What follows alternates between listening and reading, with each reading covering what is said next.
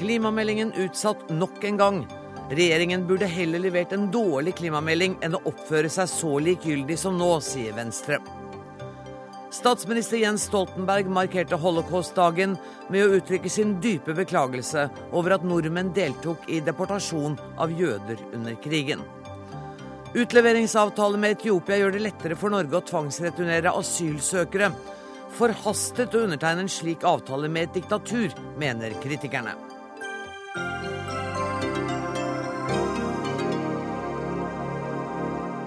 I løpet av denne sendinga skal vi også på innsiden av et norsk sykehus og høre om karrierejag, faglig juks og intriger. Heldigvis snakker vi om en roman. Men aller først. Nok en gang er regjeringas klimamelding, som skulle vært klar i 2010, utsatt. Meldinga, som følger opp det historiske klimaforliket i Stortinget fra 2008, og skal skissere hvordan Norge skal kutte 20% av klimagassutslippene, skal nå legges fram for Stortinget tidligst i juni. Det sa miljøvernminister Erik Solheim til TV 2 i går. Og statssekretær i Miljøverndepartementet Heidi Sørensen, Sist gang eh, det ble en utsettelse, så sa Erik Solheim at en av grunnene til det eh, var terrorangrepet den 22. juli. Hva er grunnen til at dere nå må utsette igjen? Det er bare én enkel grunn til at vi ikke har levert eh, klimameldinga. Det er at vi ikke er ferdig. Det er et stort arbeid. Det er et av de største spørsmålene man står overfor i vår tid, som berører en rekke departementer, og som da er det krevende å komme i land med.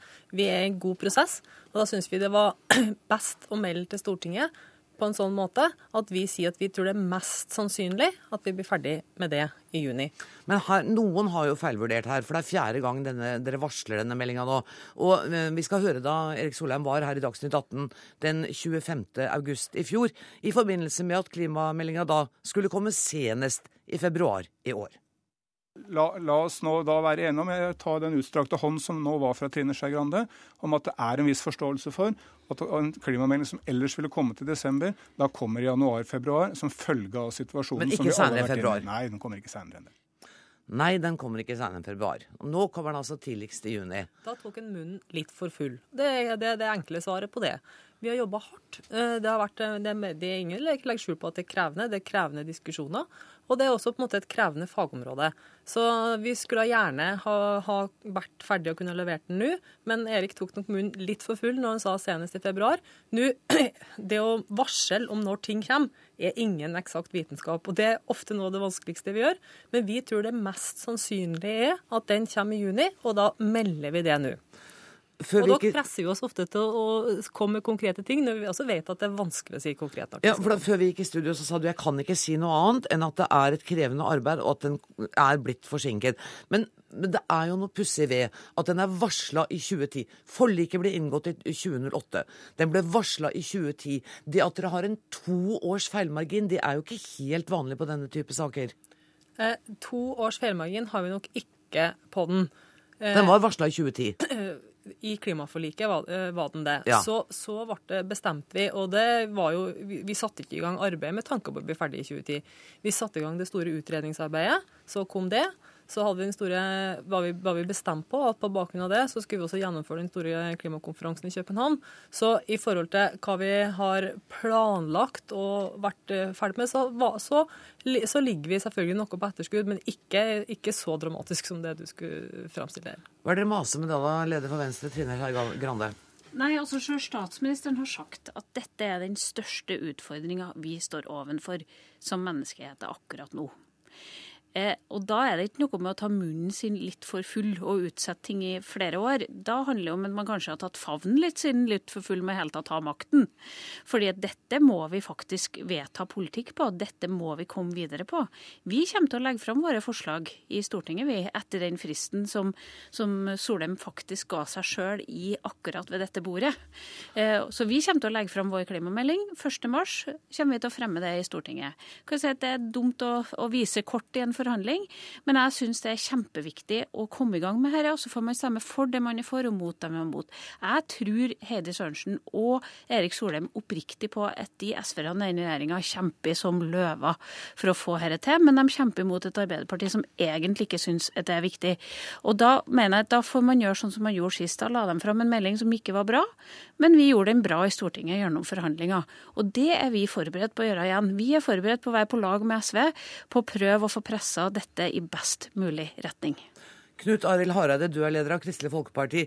Er dere også forberedt på å være på lag med SV og prøve å få pressa dette gjennom til en god melding i Stortinget, om de nå skulle komme til å levere en melding som ikke er helt 100% ja, vi er helt klare til å forbedre en klimamelding som kommer til Stortinget. Ikke, og Hvis ikke den er god nok, så er vi klare til å forbedre den.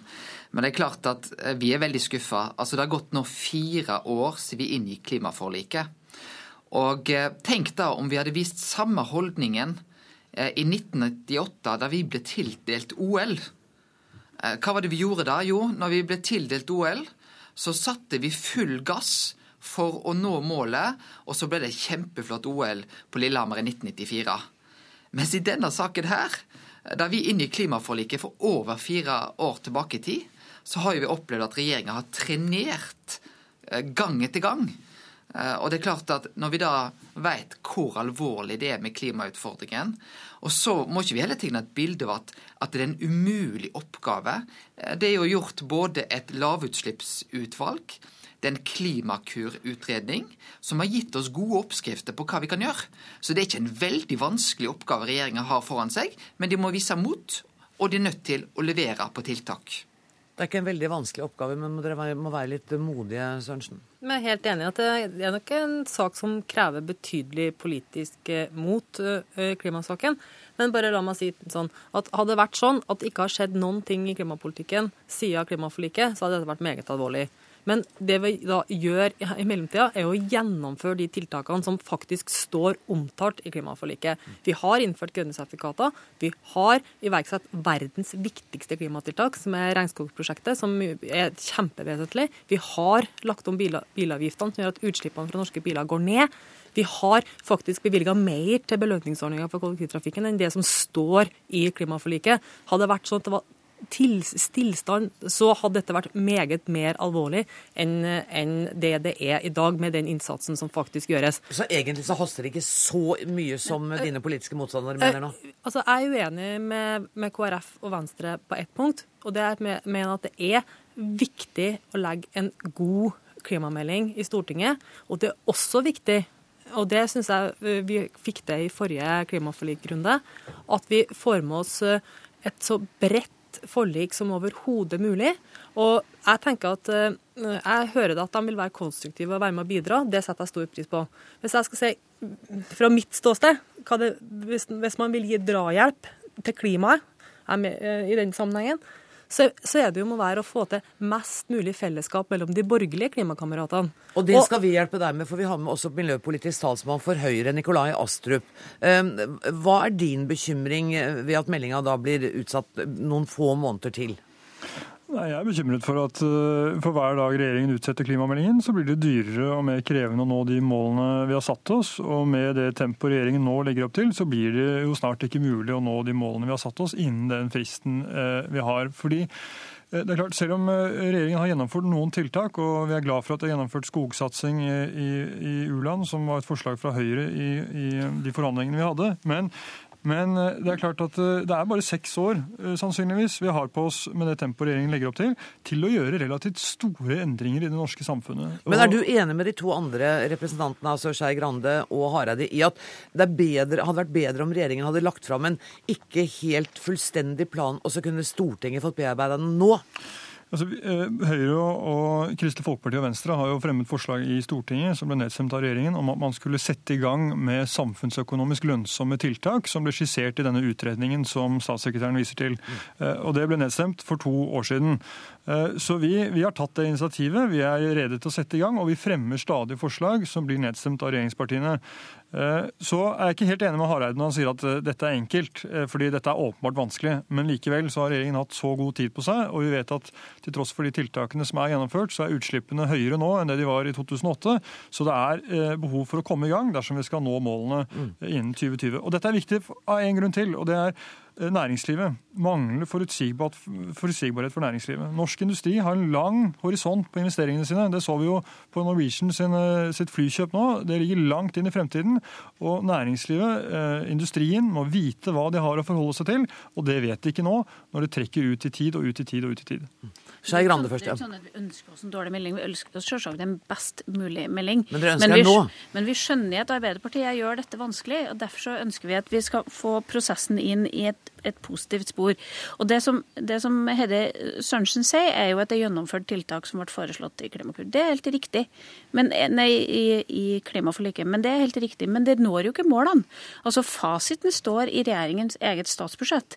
De uh, utslippene kommer til å øke dramatisk fram til 2020, ifølge regjeringa egne forslag, ut fra det de sjøl har lagt fram av tiltak så langt. Så dette holder ikke. Vi må gjøre noe mer. Og jeg er helt enig med Astrup. Dette handler om langsiktighet. Det handler ikke bare om, om de store næringsdrivende sin langsiktighet, men det handler om meg og deg når vi skal kjøpe oss bil. Vet vi at hvis vi kjøper en nullutslippsbil i dag, at det er faktisk de fordelene vi da har i bompengeringen og alt sånn, at de faktisk holder seg. Det handler om å gi folk lovnader på de grepene fremover. Og vi har masse ideer på hva det er vi kan gjøre, men vi må klare å skape flertall for noen av dem. Nå har, nå har Trine Skei Grande et par ganger sagt at det er Arbeiderpartiet som er bøygen her. Kan ikke jeg bare få spørre deg, Herre Heidi Sørensen, om Er det det som, er, som gjør at det blir utsatt? Det at det er en så dyp uenighet mellom SV og Arbeiderpartiet på sentrale temaer i denne eh, klimameldinga? Klimameldinga er en vanskelig sak. Jo, det skjønner jeg, men er det, er det, er det en av eh, hovedgrunnene? På, på, tvers av både, tror, også på tvers av parti og på tvers av eh, av departementene. Men jeg vil jo si at vi har jo vist evne til å løse sånne saker før. I fjor så løste vi Lofoten-Barentshavet. Vi kom i land med det. Vi har løst eh, kanskje en enda mer krevende mellom partiene, som var rovviltforliket. Og jeg tror også at Det eh, løste vi vitterlig på Stortinget. I, jeg skulle si, ikke bare i, i regjering, men med hele Stortinget. Hvilket, var helt, hvilket, var, hvilket viser at det er mulig å komme an også når det er store uenigheter. Det har vi vist at vi evner, evner før. Og det, eh, jeg syns ikke at den saken her skiller seg uh, vesentlig fra de andre sakene vi har vist at vi har evnet å finne gode løsninger i fellesskap. Det bare tar litt lengre tid. Men jeg har lyst til å si en ting til, til, til Trine. fordi at jeg tenker at Hvis du, du, skal ta dem litt på alvor i forhold til å si at ja, det er viktig å være med og skape flertall. Og, og, da tenker jeg jo at Det viktigste de borgerlige partiene som er en del av klimaforliket, det er jo å være med å berede grunnen for det flertallet. Og jeg synes jo det, eh, Fra mitt ståsted så er det jo litt sprikende signaler mellom de tre på noen svært viktige punkter. Spesielt to, hvis jeg får lov til å utfordre dem på det. Det ene er hvilke tiltak eh, ønsker man fra borgerlig side at man skal iverksette i den sektoren som i dag omfatter kvoteplikt. Det har hørt Erna Solberg var ute når jeg var på Zero-konferansen i høst og sa at man ikke skulle ha tiltak i kvotepliktig sektor. Eh, det er et veldig viktig, nå, nå, viktig spørsmål. Nå er vi i ferd med å bli tekniske. Men, men også, ta det andre. Det er i forhold til, forhold til samferdsel og avgiftsspørsmålet. Det Klimakur forteller oss, med den store utredninga som ligger til grunn, at alle er for kollektivsatsing, alle er bra mer tog. Men skal vi ha klimaeffekt av det, så må vi også tørre å være med å øke, øke avgifter. Det er også spørsmål som på en måte ikke er tydelig klart uh, at man melder likt på blant våre klimakamerater. Vi setter jo vitterlig ikke i regjering. Altså, Jeg har større forventninger til noen som sier at de har tatt på seg ansvar og setter regjering sammen. Det å prøve å vri noe med at noen har sagt noe på en konferanse som gjør at det kan være uenighet på Stortinget, det er ikke veldig konstruktivt. Det, som, det, det som er poenget her, er at vi vil gjerne bidra. Vi kommer til å legge fram masse forslag på ting vi skal gjøre. Vi skal få ideene helt helt gratis fra oss i Venstre. Og jeg tror at vi skal klare å få til et flertall, men da må regjeringa få lagt fram en sak som vi kan hele tatt begynne å diskutere. Nå må Hareide få lov å si noe først. Nå har du vært eh, høflig og stille lenge, Hareide. Ja, jeg mener det som er eh, Jeg sier ikke at dette er enkelt. Men jeg, jo, du sa på en måte det ja, i det første ja, svaret ditt, skjønner du. Nei, men ja. det jeg sa, det er at dette er ikke umulig å få til. Men det krever politisk mot. Ja. Eh, og det vi har sett nå altså i fire år, så er det tatt Ja, det er gjort noen ting, men det er veldig små skritt som er tatt. Og de store tingene, når vi snakker f.eks. om samferdsel, ja, så stopper jo ved biodrivstoff der. Hvis vi ser på utbygginga innenfor oljesektoren. sier vi inn i klimaforliket, har vi hatt 17 store utbygginger som er vedtatt i Stortinget. Og vi vet at, ja, men vi vet at det er 0,5% av de 17 utbyggingene som det vil være elektrifisering. Det er jo nettopp der de store tiltakene for å få dette til. Og så kan de gjerne utfordre oss på, eh, på, på, på borgerlig side og utfordringer med at Frp vil være en del av klimaforliket. Paradokset er jo at det, den klimapolitikken som regjeringa har ført nå, er jo på en måte akkurat like aktiv som det Frp ville gjort. Eh, Det var en slags punchline derfor. Eh, vi- kom ikke i mål i dag heller. Jeg er redd vi ikke kommer til å gjøre det neste gang heller. Men eh, kan du, Herre Sørensen, si at nå kommer det en klimamelding i juni? Vi har sagt at det er mest sannsynlig at den kommer i juni. Du tok i hvert fall et forbehold. Tusen takk for at dere kom i studio. Statssekretær Heidi Sørensen, Trine Skei Grande, leder av Venstre, Knut Arild Hareid, leder av Kristelig Folkeparti, og Nikolai Astrup, miljøpolitisk talsmann for Høyre. Dagsnytt 18 alle hverdager klokka 18.03 på NRK P2.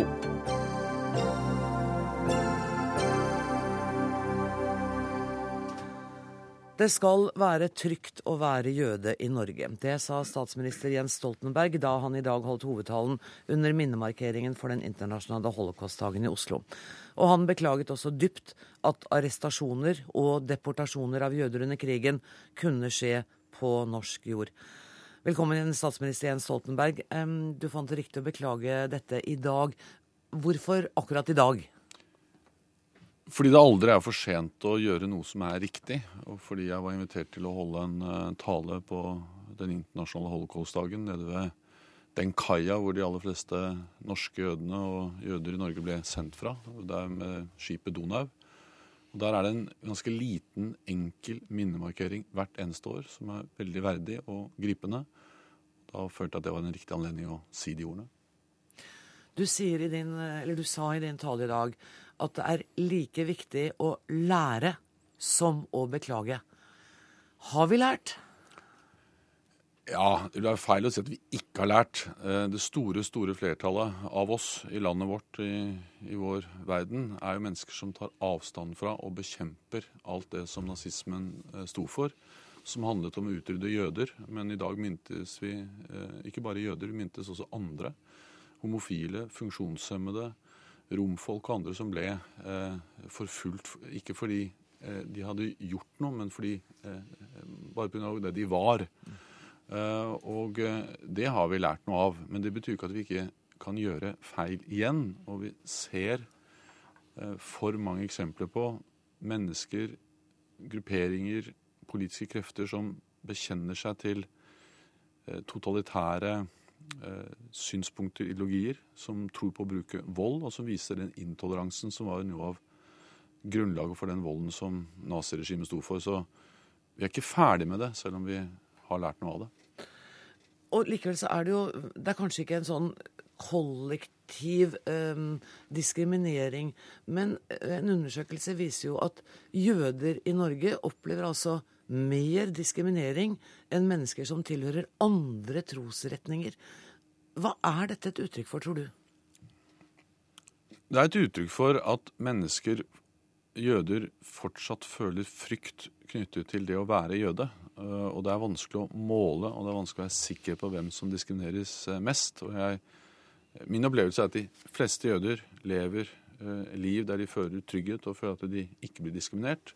Men jeg tror nok at vi har hatt sett mer aggresjon, eh, mer trusler eh, og opplevd mer utrygghet blant jøder eh, de senere årene enn det vi gjorde før. Jeg tilhører en generasjon som liksom nærmest tror jeg opplevde krigen. Ja, Det husker jeg du Ja. sa en gang. Det var en følelse av at Ja. du har opplevd krigen. Og det er ikke fordi jeg opplevde krigen, men det er fordi jeg har foreldre og andre som har fortalt og fortalt. Og de har bl.a. fortalt når vi går rundt i Oslos gater, at her bodde en jøde, han flyktet til Sverige. Her bodde en jøde, han ble sendt til Tyskland, eller familien ble sendt til Tyskland. Og Dalsbergstien 3, hvor en som het Ruth Maier bodde, eh, det er et sånt sted hvor jeg, når jeg kjører forbi den dag i dag, så tenker jeg at der bodde hun.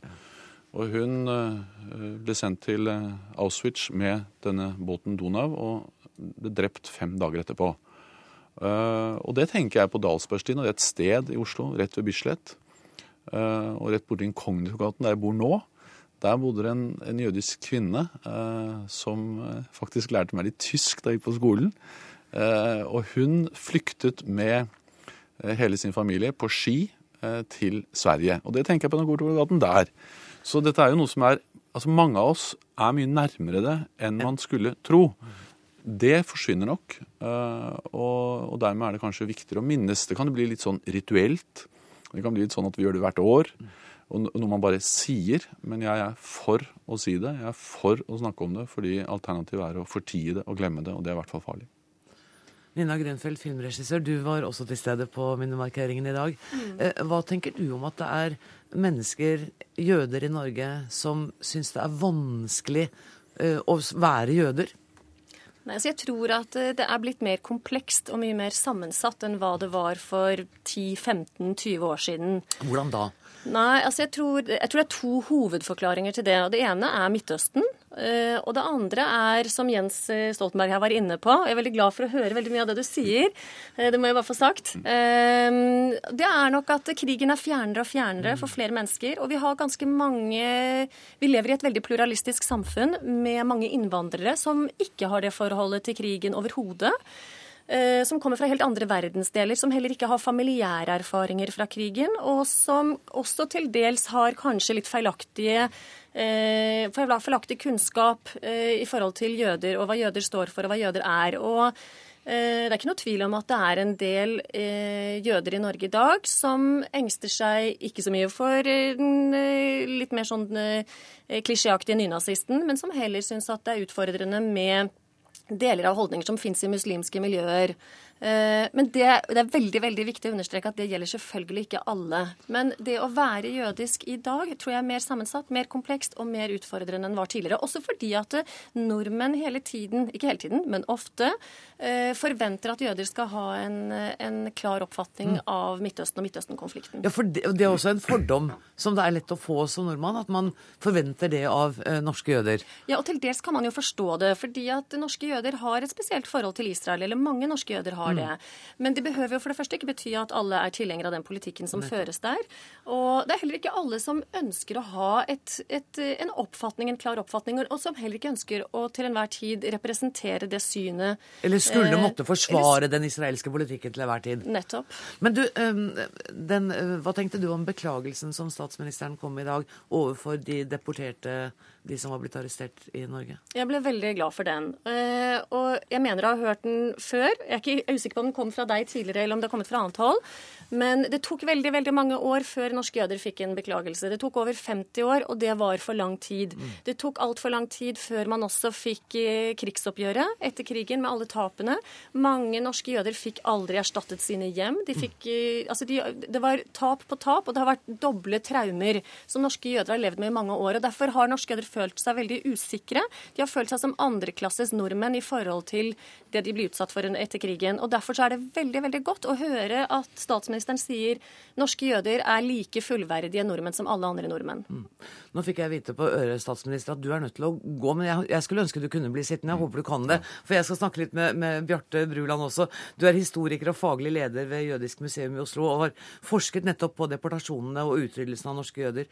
Um, var beklagelsen god nok da den kom i dag?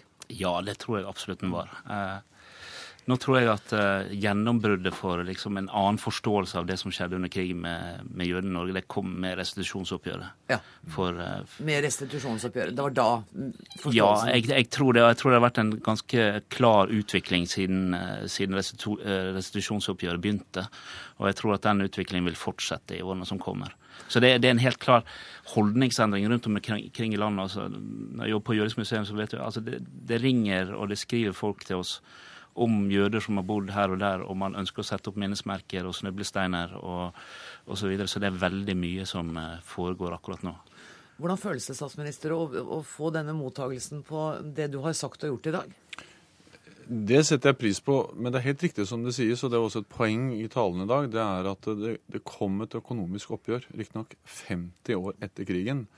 Eh, kom på eh, slutten av 90-tallet. Ulike regjeringer var involvert i det. og Det handlet om et eh, kollektivt og et individuelt økonomisk oppgjør. Og det handlet om det som ledet til Holocaust-senteret. Mm. og så sa man jo da fra Stortingets side at det var en moralsk erkjennelse av den norske statens ansvar for de handlinger som var begått mot, nordmenn, nei, mot jøder i Norge under krigen. Norske jøder i, i Norge under krigen. Og, eh, og eh, det handlet jo da om det at det var eh, nazister, eh, tyskere, som hadde ansvaret. Men likevel nordmenn som deltok i politi, tjenestemenn andre som deltok å arrestere og uttransportere. Og det ble veldig tydelig formulert den gangen. Den gangen. Ja, og, og det økonomiske oppgjøret er et, også et moralsk erkjennelse av et ansvar.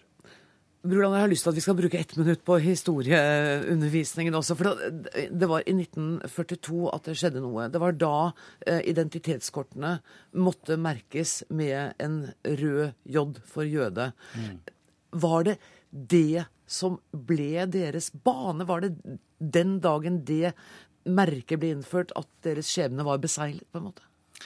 Ja, i en viss forstand så var jodstemplinga og registreringen av jødene som da skjedde i begynnelsen av 1942, januar-februar, det var utgangspunktet for de aksjonene som kom senere på høsten i 42. Så det var eh, helt utslagsgivende for at dette kunne skje, i en viss forstand. Og en meget kjent historiker har sagt at da det tyske riket innførte sine første jødedefinisjoner i 1933, så var jødenes skjebne beseglet. Ja.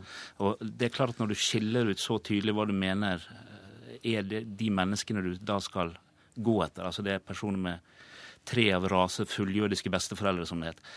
Da har man på en måte gått et skritt videre fra eh, forfølgelsene til eh, utslettelse. Og det var det som skjedde med, med J-stemplingen i januar-februar 1942. Grønfeldt, hva tenker du om hvilken vei Norge går nå i forhold til eh, den norske jødiske befolkningen? Du sier det er mer komplekst og på mange måter komplisert å være jøde i Norge. Er det noe, Går vi en riktig vei? Blir det mindre og mindre komplisert, tror du? Ah, jeg tror ikke det er noe veldig entydig svar på det. Det er lov å ønske Det er seg lov å noe her. seg. Ja. Nei, men altså, igjen, Vi nevner jo ofte 22. juli, som var en hendelse som sjokkerte hele landet. og Etter det så tror jeg nok at det har kommet en økt bevissthet på mange områder. Men Norge er et bitte lite land, og det er enda bitte, bitte, bitte, en veldig liten gruppe med jøder i Norge. De aller fleste nordmenn har aldri møtt en jøde, og enda færre vet nesten egentlig hva en jøde er, men har likevel mange oppfatninger i hodet sitt, myter.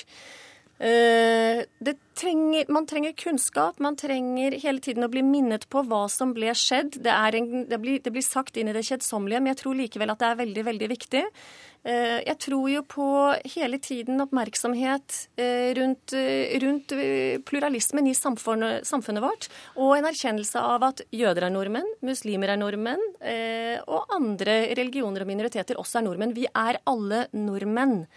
Det var en fantastisk sluttreplikk, syns jeg. Jeg tror jeg sier takk til dere der, jeg. Vi er alle nordmenn. Jens Stoltenberg, Bjarte Bruland og Nina Grenfeldt, tusen takk for at dere kom i studio.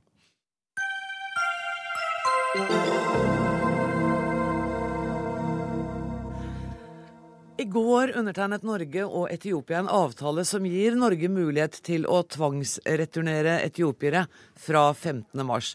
Det er første gang på 20 år at eh, Etiopia godtar tvangsretur. Velkommen i studio, Pål Lønseth, statssekretær i Justisdepartementet. Takk for det. Hva er det denne eh, avtalen innebærer? Ja, Bortsett den- fra det jeg sa da, om tvangsretur. Ja, den legger til rette for at, eh, at eh, etiopiere med endelig avslag på sin asylsøknad, altså som ikke har beskyttelsesbehov, eh, legger til rette for at de kan i ordnede former med reintegreringsstøtte fra, fra Norge eh, dra tilbake på frivillig basis til Etiopia og, eh, og da etablere seg der igjen. Eh, og så er det da en, en tvangsmekanisme også i denne avtalen som eh, åpner da for at man eh, velger man ikke å returnere frivillig, ja, så, så er det altså mulighet for en tvangsbruk. Mm. Dere har fått mye kritikk etter at eh, det ble kjent at denne avtalen var eh, inngått. Eh, Blant annet er det knyttet bekymring til eh, barn. Er det slik at eh, det er flere barn nå som blir sendt ut eh, under tvang? Altså, jeg håper jo på at, uh, at flest mulig velger det frivillige alternativet. Ja. Men det er klart at eh, for Etiopia som for alle andre land, så vil det også være uh, tvangsretur av barn. Uh, I, da, I barnefamilier som da, hvor foreldre da nekter å forholde seg til plikten om en frivillig retur. Det er sånn for Etiopia som det er for, for andre land. Eh, Nå har jo Etiopia Vi har ikke liksom hatt noen avtale med dem på 20 år. Denne avtalen er en land-til-land-avtale, sånn at UNHCR, altså FNs eh, høykommissær for flyktninger, er ikke inne i denne avtalen. Svekker det avtalen? Nei. Uh, høykommissæren er jo normalt ikke inne i tilbaketagelsesavtaler. Og høykommissæren sa jo da vi hadde jo, men Høykommissæren er vel inne i Unnskyld, jeg må bare få det oppklart, for det er mulig jeg ikke forstår det. Er det ikke slik at høykommissæren er inne og har noen retningslinjer for hvordan disse tingene skal gå, f.eks. når det gjelder vår avtale med Afghanistan? Har, høykommissæren gir generelle anbefalinger i forhold til land. Nettopp. Men er ikke involvert i selve avtalen som sådan. Nei. Den er normalt bilateral, altså mellom to land. Eh, det som jo skjedde da vi hadde disse aksjonene i domkirkene sist, med etiopiere som eh, var i kirkeasyl i domkirken i Oslo, eh, der var jo FN-høykommissær i Norge og uttrykte at når det gjelder da etiopiere med endelig avslag, så var det ingen grunn for høykommissæren til å, til å være negativ til, til retur til Etiopia for dem. Geir Jørgen Bekkevåg, du er eh, stortingsrepresentant for Kristelig Folkeparti. Du sitter i studio i Bergen. Hvorfor er du så bekymret over denne avtalen som er inngått mellom Norge og Etiopia? Ja, klart jeg er bekymret, eh, spesielt eh, når det gjelder asylbarna våre. I gruppen asylbarn så så utgjør etiopiske barn eh, ganske mange. Og veldig mange av de har også vært her lenge. Noen har vokst opp eh, i Norge. Flere av disse barna har vært her i mer enn seks år. Jeg syns det er ganske kynisk at man nå prioriterer å fremforhandle, en slik returavtale nær sagt i god tid før Stortinget får denne meldingen om barn på flukt til behandling. For en tid tilbake, eh, da Knut Storberget, forrige justisminister, varslet at denne meldingen kom, så sier han at tre år i et barns liv er som en evighet. Og han la eh, klare premisser om at det kommer til å komme endringer eh, og lettelser i, i, asylpolitikk i forhold til disse barna. Men her har man altså lagt opp et løp som gjør at eh, fram til 15. mars så, eh, så, legges det opp til at man kan returnere frivillig og få noen penger med seg. Etter 15. mars så åpnes det for tvangsretur. Og det er i god tid før Stortinget i det hele tatt kommer i gang med eh, å behandle eh, meldingen om barn på flukt, som sannsynligvis vil åpne for endringer som disse etiopiske barna ville blitt en del av. Er det rett og slett en hastesak fra dere for å unngå dette? Lønseth? Nei, men man er nødt til å jobbe parallelt med ulike ting. Eh, man kan ikke alltid sette ting eh, sammen og jobbe, legge bort en annen ting mens man jobber med noe annet. Det er riktig at vi jobber med stortingsmelding om barn på flukt. Mm. Eh, vi har aldri sagt at den helt sikkert kommer med endringer knytta til hvor grensestolpen skal settes igjen i forhold til hvor barn og hvor lenge okay. det har vært. Men vi har det til vurdering fordi vi ser at det er et veldig komplekst område hvor ulike hensyn uh, står mot hverandre. Mm. Altså tunge innvandringsregulerende hensyn, som man sier, mot da på den ene side, og barns langvarige opphold i Norge på den andre side. Okay. Men det er en melding som vi kommer til å komme til Stortinget med det aller første. Ok, La oss holde oss til den avtalen mellom Norge og Etiopia. For Det som kanskje er litt pussig, er at Etiopia har jo ikke vært spesielt interessert i å ha noen sånn avtale. For Etiopia, Det som har skjedd, er jo at folk som har reist fra Etiopia, sender penger tilbake til landet. Så det har ikke vært noen stor entusiasme fra etiopiske myndigheter for å få til denne avtalen her. Hva har vi lovet dem i retur for at de inngår den avtalen nå? Ja, så vi, har, eh, vi, er enige om at det skal være en, eh, da denne reintegreringsstøtten som jeg nevnte innledningsvis. Ja. Det, er, det, innebærer 15 000 i kontant til eh, personer som returnerer. Uh, som de får da ved ankomst til Etiopia, og ytterligere en, eh, en, eh, pakke hvor de kan få støtte til eh, å etablere virksomhet, støtte til utdanning på en 30 000 også når det kommer til Etiopia. Det er mulig jeg var litt upresis, for jeg tenkte mer i retning av Har vi lovet noen intensjoner om mer nærings, norsk næringsvirksomhet i Etiopia? Er, er vi over i noen den type avtaler? Nei. Det kan du garantere. Ja. Um, nå hører du at statssekretæren sier at dette her er en uh, avtale som vil være trygg, og den handler altså ikke om barn på flukt. Bekkevold, er du mer fornøyd nå? Nei, overhodet ikke. Selvfølgelig så handler dette også om barn på flukt. Uh, og selv om Lønseth mener at det her må man kunne jobbe parallelt på flere saker, så er nettopp den meldingen om barn på flukt en melding som også vil innbefatte disse etiopiske barna som har bodd i Norge, noen av dem mer enn seks år. Så det er klart at jeg er ikke mer fornøyd. Det er flere andre forhold forhold også her sånn, som, eh, som eh, bør eh, vurderes. Blant annet så vet vi at regimet i, i Etiopia behandler operasjonelle på en forferdelig måte. det er fengsling, det er tortur. Så vet vi også at det er flere av de etiopiske flyktningene i Norge som har vært kritiske til regimet, ytra seg kritisk til regimet, som har vært i opposisjon. Etiopiske myndigheter bruker ganske mye ressurser på å holde oppsikt med, med etiopiske eh, borgere, også i andre land, her i Norge. Ja, vet du hva, Vi er, vi er nødt til å ta ett punkt av gangen her. Vi tar dette med tortur, f.eks. Det er jo sånn at det er eh, vurdert dette, Bekkevold, i flere instanser at det ikke er fare for forfølgelse. Og vi er nesten nødt til å forholde oss til de grundige vurderingene som er gjort. Dette gjelder personer som ikke risikerer forfølgelse. Da sier jeg tusen takk til dere to. Vi skal fortsette å snakke med et par mennesker som faktisk bor i Norge og er etiopiere. Eh, Pål Ønseth har sagt han vil ikke diskutere enkeltsaker i Dagsnytt 18, så der forlater han. Og da sier jeg også takk til Geir Bekkevold. Men eh, jeg sier eh, hallo til Dere må ta på dere hodetelefoner. Ja. Besavit Agar, eh, har jeg deg på telefonen nå? Ja. Hei. Du kom til Norge for 13 år siden Ja. og har utdannet deg i Norge. Du har arbeidet i Norge eh, som eh, hjelpepleier. Ja. men nå gir du opp. Ja. Hvorfor det? Jeg orker ikke vente mer. Det er veldig vondt og tungt å vente og leve sånt. For du har fått avslag på din søknad om opphold i Norge, ikke sant? Ja, mange ganger. Jeg har brukt både eh, private advokater og litt forskjellig. Men eh, fått endelig avslag. Vet du hva du kommer tilbake til i Etiopia? Ingenting. Jeg vet ingenting. Har du familie i Etiopia? Nei. Har du familie i Norge? Jeg har jo norsk familie, som mor og far, og stor familie. De som står og hjelper meg nå. Har du hatt arbeid, fast arbeid i Norge? Jeg har jobbet fast arbeid på et sykehjem eh, to år, eller mer enn det. Og så fikk jeg ikke mer fast jobb pga. at jeg ikke oppholdstillatelse. Men jeg fikk ja, litt jobb der. Men hva tenker du om Det er vel vanskelig å spørre deg om følelser, men hva tenker du rundt det at du skal reise nå? Nei, veldig vanskelig. Veldig, veldig vanskelig. Men eh, det er litt vondt for meg å vente sånn. Ja. Ja. Men du reiser nå før 15. mars, og da får du med deg litt penger fra den norske stat. Hva har du tenkt å gjøre når du kommer til Etiopia?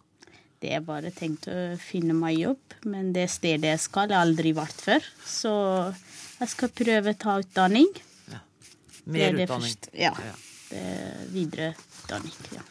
Her i studio sitter David uh, Vasihon. Ja. Um, hva er din situasjon? Skal du også reise fra Norge nå? Mm, may I speak in English? I'm sorry. Uh, uh, I'm a paperless here in Norway. Du er papirløs, ja. yes, I, come, I, I came in Norway like 2006. I spent uh, almost uh, five and two months or three months here in Norway. Men du har også fått avslag? Yes, I, I, I've got my last uh, rejection in 2009. I have a wife and a child here in Oslo.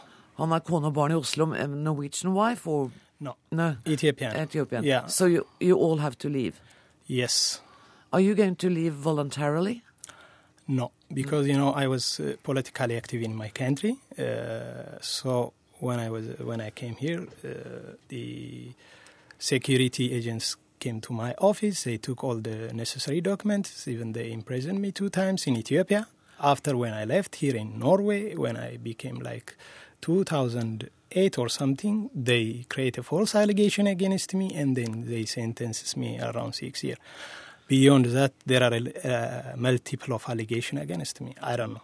Beyond that, also, we Ethiopians are uh, politically active here in Norway. Han har vært politisk aktiv eh, og mener at det er helt umulig for ham å reise tilbake til eh, Etiopia. Um, Rune Berglund Steen, hva tenker du om de historiene du hører nå? Eh, Altså, Som David sier, han er fengslet til seks år i fengsel. Seks år i fengsel i Etiopia kan være en dødsdom. Eh, og Det er på en måte to, to sider her eh, som, som vi reagerer på sånn innledningsvis. Det ene er jo at vi har inngått en returavtale med et brutalt regime, med et brutalt diktatur som det etiopiske. Dette er et regime i samme kategori som Libya. Libya under Muammar Gaddafi. Libya bombet vi. Her gir vi litt penger til Etiopia. Vi skal gi penger til den etiopiske regjeringen for å reintegrere etioper. Vi gir penger til Etiopia for at de skal ta tilbake politiske dissidenter som har flyktet derfra. Jeg har forsømt meg, jeg har ikke sagt at du arbeider i Antirasistisk Senter. det Det er en viktig presisering for lytterne våre. Så det er den ene biten, at vi faktisk har en returavtale med et land som dette her. At vi faktisk gir dem penger for å ta imot eh, mot egne dissidenter. Eh, og, og, og, og vi har på en måte hatt forandring med dette regimet, samtidig som da Sverige opplever at to svenske journalister har blitt dømt for terrorisme. Det er spesielt, syns jeg. Det andre eh, er, jo, er jo det David er inne på her, altså hva vil skje med folk? For en del så vil det antagelig gå helt greit. eh, Men, men jeg har lest noen hundre av disse sakene, og jeg vil bli svært overrasket hvis ikke en del av disse havner i fengsel og blir torturert, slik mange av dem allerede har opplevd tidligere. Men også, altså, Besavit har ikke sagt at hun har vært politisk aktiv, men hun reiser altså tilbake Mm. til et land som hun ikke har sett på 13 år. Hun har ikke familie. Altså, ja, da tenker jo jeg som norsk, hvor, hvor bra kan det gå, da? Nei, Det er det tredje, det humanitære i dette. her, og, og på en måte At man, man kaster bort mennesker, menneskelig kompetanse, det alt de er bygd opp i Norge eh, gjennom mange år her, eh, det blir nå borte. Det er da på en måte verdt ingenting. Du har lest flere hundre av eh, Mm. disse historiene. Gjør de like sterkt inntrykk, eh, alle sammen? Mange av disse sakene, ja. Eh, Her er det snakk om, selv om de har avslag, så er det snakk om grusomme torturhistorier. Mange kvinner som har blitt voldtatt i etiopiske fengsler og, og etiopiske politistasjoner. Så sier UDI og Utlendingsnemnda at det skjer vel ikke igjen. Jeg tror ikke det er så enkelt. Eh, Jeg leste nå nettopp hva Human Rights Watch sier. Alle står fritt til å gå inn og se på det. De er livredde for at enhver man sender tilbake til Etiopia, vil kunne bli utsatt for tortur. Men det er jo ikke slik at norske utlendingsmyndigheter er ondsinnede mennesker som sender bevisst sender andre tilbake til tortur. Når, og når Lønseth sier at dette her er en avtale som er god, eh, og som eh, de etiopiske myndighetene står ved, vi må vel kunne stole på det? En avtale med et diktatur. Jeg vet ikke hvor mye man skal stole på et land som på en måte bryter alle regler i, i, i boka her. Det er også noe spesielt her. altså Vi har ikke hatt returer på 20 år. Man har fattet vedtak i utlendingsforvaltningen i 20 år uten at man noen gang egentlig har testet ut vedtakene. Vi har liksom spent buen til det maksimale, eh, og nå skal vi prøve det ut. Og, og jeg tror nok det er noe av grunnen til at så mange av disse vedtakene er blant Jeg har lest vedtak for mange land, og de etiopiske vedtakene er for meg noen av de vanskeligste å forstå hvorfor disse, disse, disse personene får avslag. Vi kommer ikke noen, til noen løsning her i Dagsnytt 18, men Besavit, jeg har bare lyst til å, å si til deg at jeg ønsker deg alt godt og, og god tur. Jeg vet ikke når du har tenkt å reise. Nei, har, det har jeg ikke bestemt. Jeg har bare søkt søknad, sendt søknad gjennom eh, nett, så jeg venter. Uansett, tusen takk for at dere var med i Dagsnytt 18, Besavit Agar, David Wasihon og eh, Rune Berglund Steen.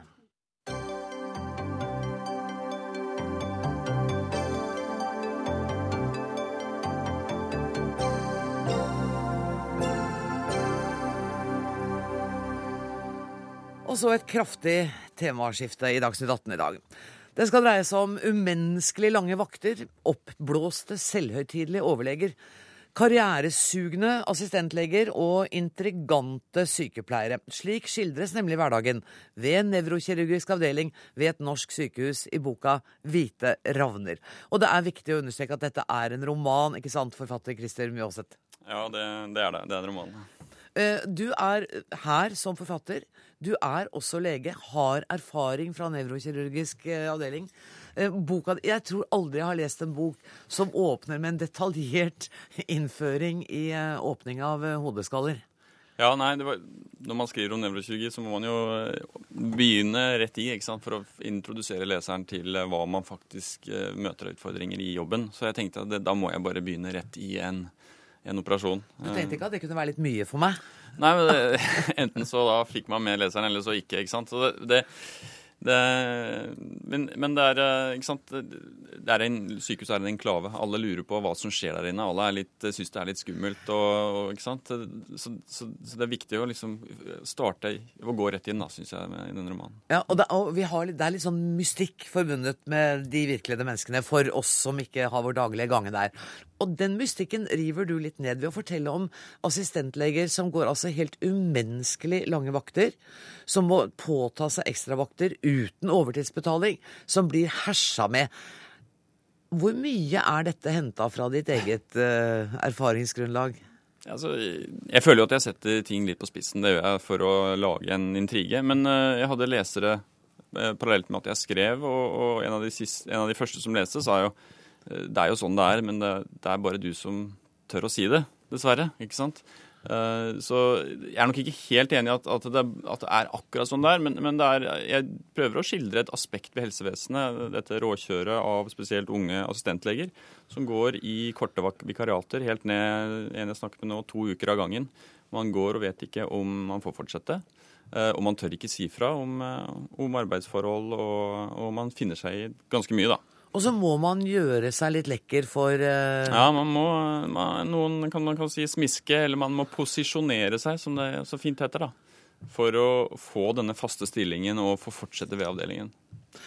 Og det kan jo da også For, for dette er jo også et krav til uh, forskning. Altså du skal være på topp innenfor eh, ditt uh, yrke. Ja. Det er krav til forskning, det er krav til prestasjon Mm. i operasjonssalen og utenfor. Og det uh, mener du også i ekstreme tilfeller kan føre til at man kutter noen svinger. Ja, altså, hva, hva mener du med kutte svinger? Ja, der, er, eh, I boka di så omhandler du f.eks. forskningsfusk av ganske alvorlig karakter. Ja, altså det, Og det, det forekommer, det, det, det betviler man jo ikke. Altså, eh, men igjen, det der, det der er en eh, Hvorvidt det forekommer i, i virkeligheten, det, har ikke jeg noe sånn voldsomt uh, Men det at, så altså. fort, at alt går så fort, at presset Ja. er så stort uh, Som fremtidig pasient så bekymrer jeg meg.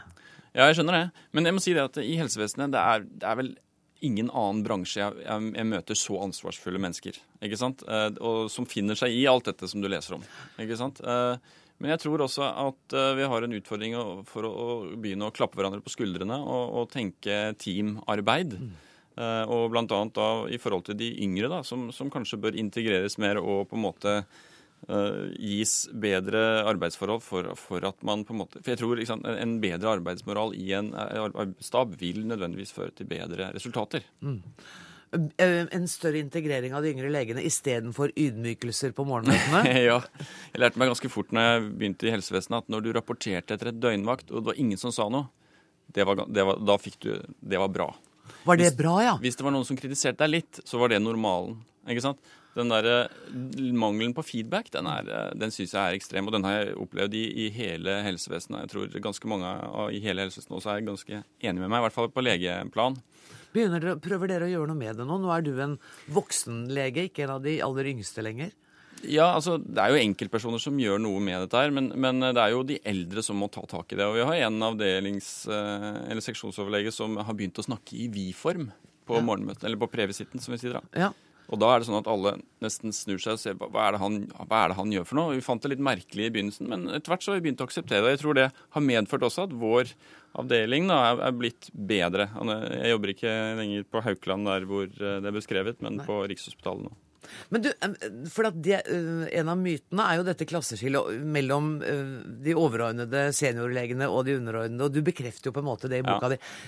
Er dere på riktig vei her? Blir det flatere struktur etter hvert? Eller gleder du deg til å bli en gammel overlege som kan herse? Nei, altså Det er ingen endring. Altså, det er ikke, Er ikke det. Nei. Det er helt uh, Dessverre, altså. Og det, og det er vel kanskje litt av det jeg håper at denne romanen kan belyse litt. Da. Altså at det er en skrikende mangel på litt nytenkning i forhold til strukturering i, på legeplan i sy norske sykehus. Du er klar over at en av de mest sentrale lyttergruppene vi har, er dine kolleger? Ja, ja. Jeg, det var derfor jeg kom. vet du. Hva, hva tenker de når du hører hva, hva slags reaksjoner får du fra kolleger på det du skriver? Nei, som jeg sa, altså Han ene sa jo at, uh, at, vi, at jeg, jeg skriver jo akkurat sånn som det er, men det er ingen som tør. Og en annen ga tilbakemelding at hun syntes jeg var for snill med det jeg skrev. Så, så det, det, er, det er en oppfatning generelt, tror jeg, at vi har en, det er en tøff bransje. Uh, Og klart uh, spesielt nevrokirurgi, hvor det er samlet ganske mange kompetitive individer, så blir det kniving. Og det, på en side kan man si at kanskje skal, det må jo være kompetitivt, det må være tøft. Ja, ikke sant? det må det. Men, så- eh, ja. men vi må ta vare på hverandre òg. Du, eh, det kommer kanskje flere bøker fra deg, men foreløpig er du eh, også lege. Tusen takk for at du kom til studio, Christer kom. som er forfatter av boka 'Hvite ravner'.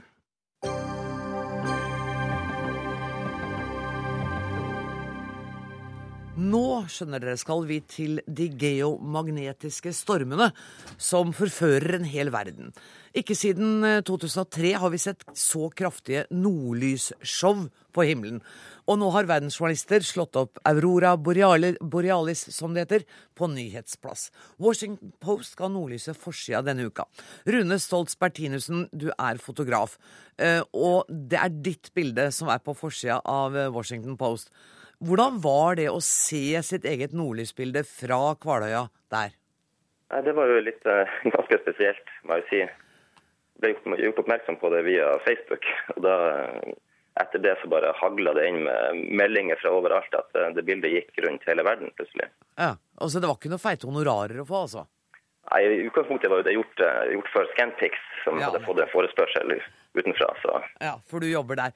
Men du, um, vi ser at mange sender inn nordlysbilder både på sosiale medier og i nordnorske aviser. Og folk tar ungene sine ut på natta for å se på nordlyset. Hvorfor denne fascinasjonen? Jeg sier det. Det er jo utrolig spesielt. og Nå har det jo vært en høst og en, en vinter så langt nordpå da, med veldig mye nordlys. Og Jeg sjøl tok mine tre unger og kona og svigerfar med ut forrige helg. og Vi lå på rygg og så på himmelen og så nordlyset flagre over der. og Det er utrolig fascinerende. Hvilke farger var det da? Nei, det, det, går jo for det første altså, stort sett i grønt, men så er det liksom lilla og rødt og gult og oransje som plutselig skyter fart, og det flagrer. Liksom, det forandrer seg fra sekund til sekund. Så det er ganske spesielt. Du hadde sagt til en kollega av meg at du kunne høre nordlyset knitre. Ja, altså, jeg har faktisk vært Men da må, litt, da må man langt til, til fjells eller være borte fra alle andre lyder. og da, Hvis man, hvis det er helt stille, så kan du faktisk høre at det knitrer. Du er klar over at man skal være litt forsiktig med nordlyset også, fordi at det kan hevne seg? F.eks. hvis du vifter med et hvitt lommetørkle? Ja, jeg har hørt den. hva, fortell hva du har hørt. Nei, altså det, det er vel gamle myter, at det, i hvert fall nordpå, at man, det skulle man ikke gjøre, for da kunne nordlyset komme og ta det. Men det her er jo snakk om det for lenge siden. Ja, det er bare tull. Ja. Ja. Så du har vinka med et lommetørkle mot nordlyset? Ja, det er to bilder av meg sjøl også for, for 14 dager siden hvor jeg måtte vinke opp mot i nordlyset. og Det, det gikk bra den, den gangen òg. Du, Og så ser vi i avisa Nordlyset at nå håper du at Obama skal ringe til deg? ja, vi tok en, jeg ble oppmerksom på det her og skjønte at det her var rett og slett i Washingtons største avis. og Da sa jeg det på jobb på krysspress at det hadde vært artig om presidenten da ringte for å komme nordover og se på, se på det her, og da ringe til oss. til meg. Vi får, håpe at han, vi får håpe at han gjør det. Eh, tusen takk for at du var med i eh, Dagsnytt eh, 18, Rune Stoltz Bertinussen. Pål Brekke, du er solforsker. Eh, hvor mange farger kan dette nordlyset ha? Altså Typisk så har det grønn farve, den som vi ser oftest. Men litt avhengig av hvor kraftig eksplosjonen på sola er, så får det ofte litt rødt, fiolett og, og blåfiolett og rosa farver. Og Det var mye farver der oppe nå i helgen, både søndag kveld og tirsdag. Og Jeg var oppe selv begge gangene og fikk tatt bilder selv. Og det er helt fantastisk. Selv om du har sett det før, så, så er det noe spesielt. Altså Selv for en kynisk forsker så, dette, så slår det deg? Ja, og man får gåsehud. Og heldigvis så klarte vi å trekke masse mennesker fra en stor konferanse også ut på ytterste odden på Troms, Trom, ved Tromsø. og de fikk jo sett noe de aldri sett før, pluss at de fikk jo se noe av det mest spektakulære på, på kanskje et par år. Du, han sa at det kunne knitre? Ja, Lyd fra nordlyset det er ikke mulig. for Nordlyset dannes en høyde av 100 km til 400-500 km, og der er det et vakuum. så og Man hører ofte at lydene korresponderer med bevegelsene. så Det man hører da, er eventuelt noe slags induserte strømmer eller noe annet på bakken som man kan høre. Det samiske navnet for nordlyset er jo lyset du kan høre også, så det er jo en, mange som mener at de hører en slags summing eller knitring. Så, så det, det, er nok noe reelt, men lyden kan ikke komme fra verdensrommet. Det, det vet vi. Men det, en, men det, er en, lyd som kan være en konsekvens av noe? Ja. ja. For det som skjer når nordlyset lages av, av sola som det Nå er jeg spent når du skal forklare meg dette. Nå skal jeg skjerpe ja. meg. ja. Du har altså en sol som, som, noen ganger hoster og harker og spytter ut masse gasskyer. Og Hvis de skyene er rettet mot jorda, ja. så kan de treffe jordas magnetfelt. De når ikke ned til bakken, men de treffer slags sånn boble rundt oss som er magnetfeltet vårt. Samme som å bruke kompass og styre etter. Ja. Og Så vil denne gasskyen riste på dette, slik at noen partikler som har klart å lure seg inn liksom bakveien på nattsiden av jorda, da så skyter de fart inn mot jorda langs disse linjene, som da ender opp i nordområdene. Og da kolliderer disse solpartiklene med atomene i atmosfæren og får det til å gløde på samme måten som i et reklameskilt, neonrør, TV, gammeldags TV-rør. Så det er altså Nordlyset er verdens største reklameskilt. Det skjønte jeg i hvert fall. Men, men øh, denne, denne, variasjonen i fargene, kan man forklare altså Det har vært forsket på Aurora borealis i mange, mange, mange, mange år. Kan man forklare eh, fargenyansene også? Ja da. Det, det, fargene kommer av at ulike partikler har litt forskjellig fart. og Noen klarer å sparke i gang det grønne lyset, kan du si, og noen er så sinte at de klarer å irritere et annet stoff, oksygen og nitrogen, slik at det blir rødt nordlys. Og det som er interessant, er at jo kraftigere solstorm, jo lenger syd kommer nordlyset. Og da ser vi nordlyset over Oslo og til og med helt ned i Italia noen ganger. Og det er tross alt Galileo som ga navnet til nordlyset. Er det det, ja? ja og det heter Den røde dager i nord. Og grunnen til det er at han så bare den røde toppen av nordlyset over fjellene, og ikke den grønne delen. Fordi han var for langt sør? Ja. Hadde bodd i Norge, så hadde han kalt det noe helt annet. ja, hva, vil, hva, ville vi kalt det da, syns du? Eh, jeg fikk, fikk navnet av en, en, professor i latin, men jeg har dessverre glemt det. Men det heter noe helt annet enn borealis. Nei, aurora, mener jeg. Ja, nettopp. Eh, men du, og det er jo sjeldnere i Oslo. Jeg har også sett eh, nordlys i Oslo, men det er mye sjeldnere enn i Nord-Norge, ikke sant? Ja, typisk. Og nå har det vært ganske mye aktivitet på sola de siste to årene, så jeg tror det har vært nordlys over Oslo ca. tolv ganger de siste to årene. Men oh, ja. De fleste gangene er det ofte overskyet, og de gangene det har vært flatt nordlys, så ligger jo 99% av Oslos befolkning sover. Ja. Det er litt synd, for at man kan varsle det. Vi kan si fra et par dager i forveien at det nå blir det sannsynligvis nordlys langt. Og det gjorde vi også på både søndag, og, og da var det nordlys helt ned i Ski, jeg har sett bilder, og så også på tirsdag. Holder du deg oppe om natta når du veit det kommer nordlys i Oslo? hvis du er i Oslo? Ja, og da er det viktig at du drar ut av byen. Du kjører inn i Sørkedalen eller Maridalen, vekk fra bylys, og da ser du det mye bedre. Og du kan se nordlyset selv om det er ca. 200 km nord for deg, så ser du horisonten, faktisk. Vi oppfordrer lytterne til å holde seg våkne når det er nordlys. Tusen takk for at du kom i studio, forsker Pål Brekke. Ansvarlig for Dagsnytt 18 har vært Jonas Haagensen. Det tekniske ansvaret har Lisbeth Sellreite. Jeg heter eh, Anne Grosvold. I morgen er det ukeslutt på NRK1 klokka 12.30. Takk for nå.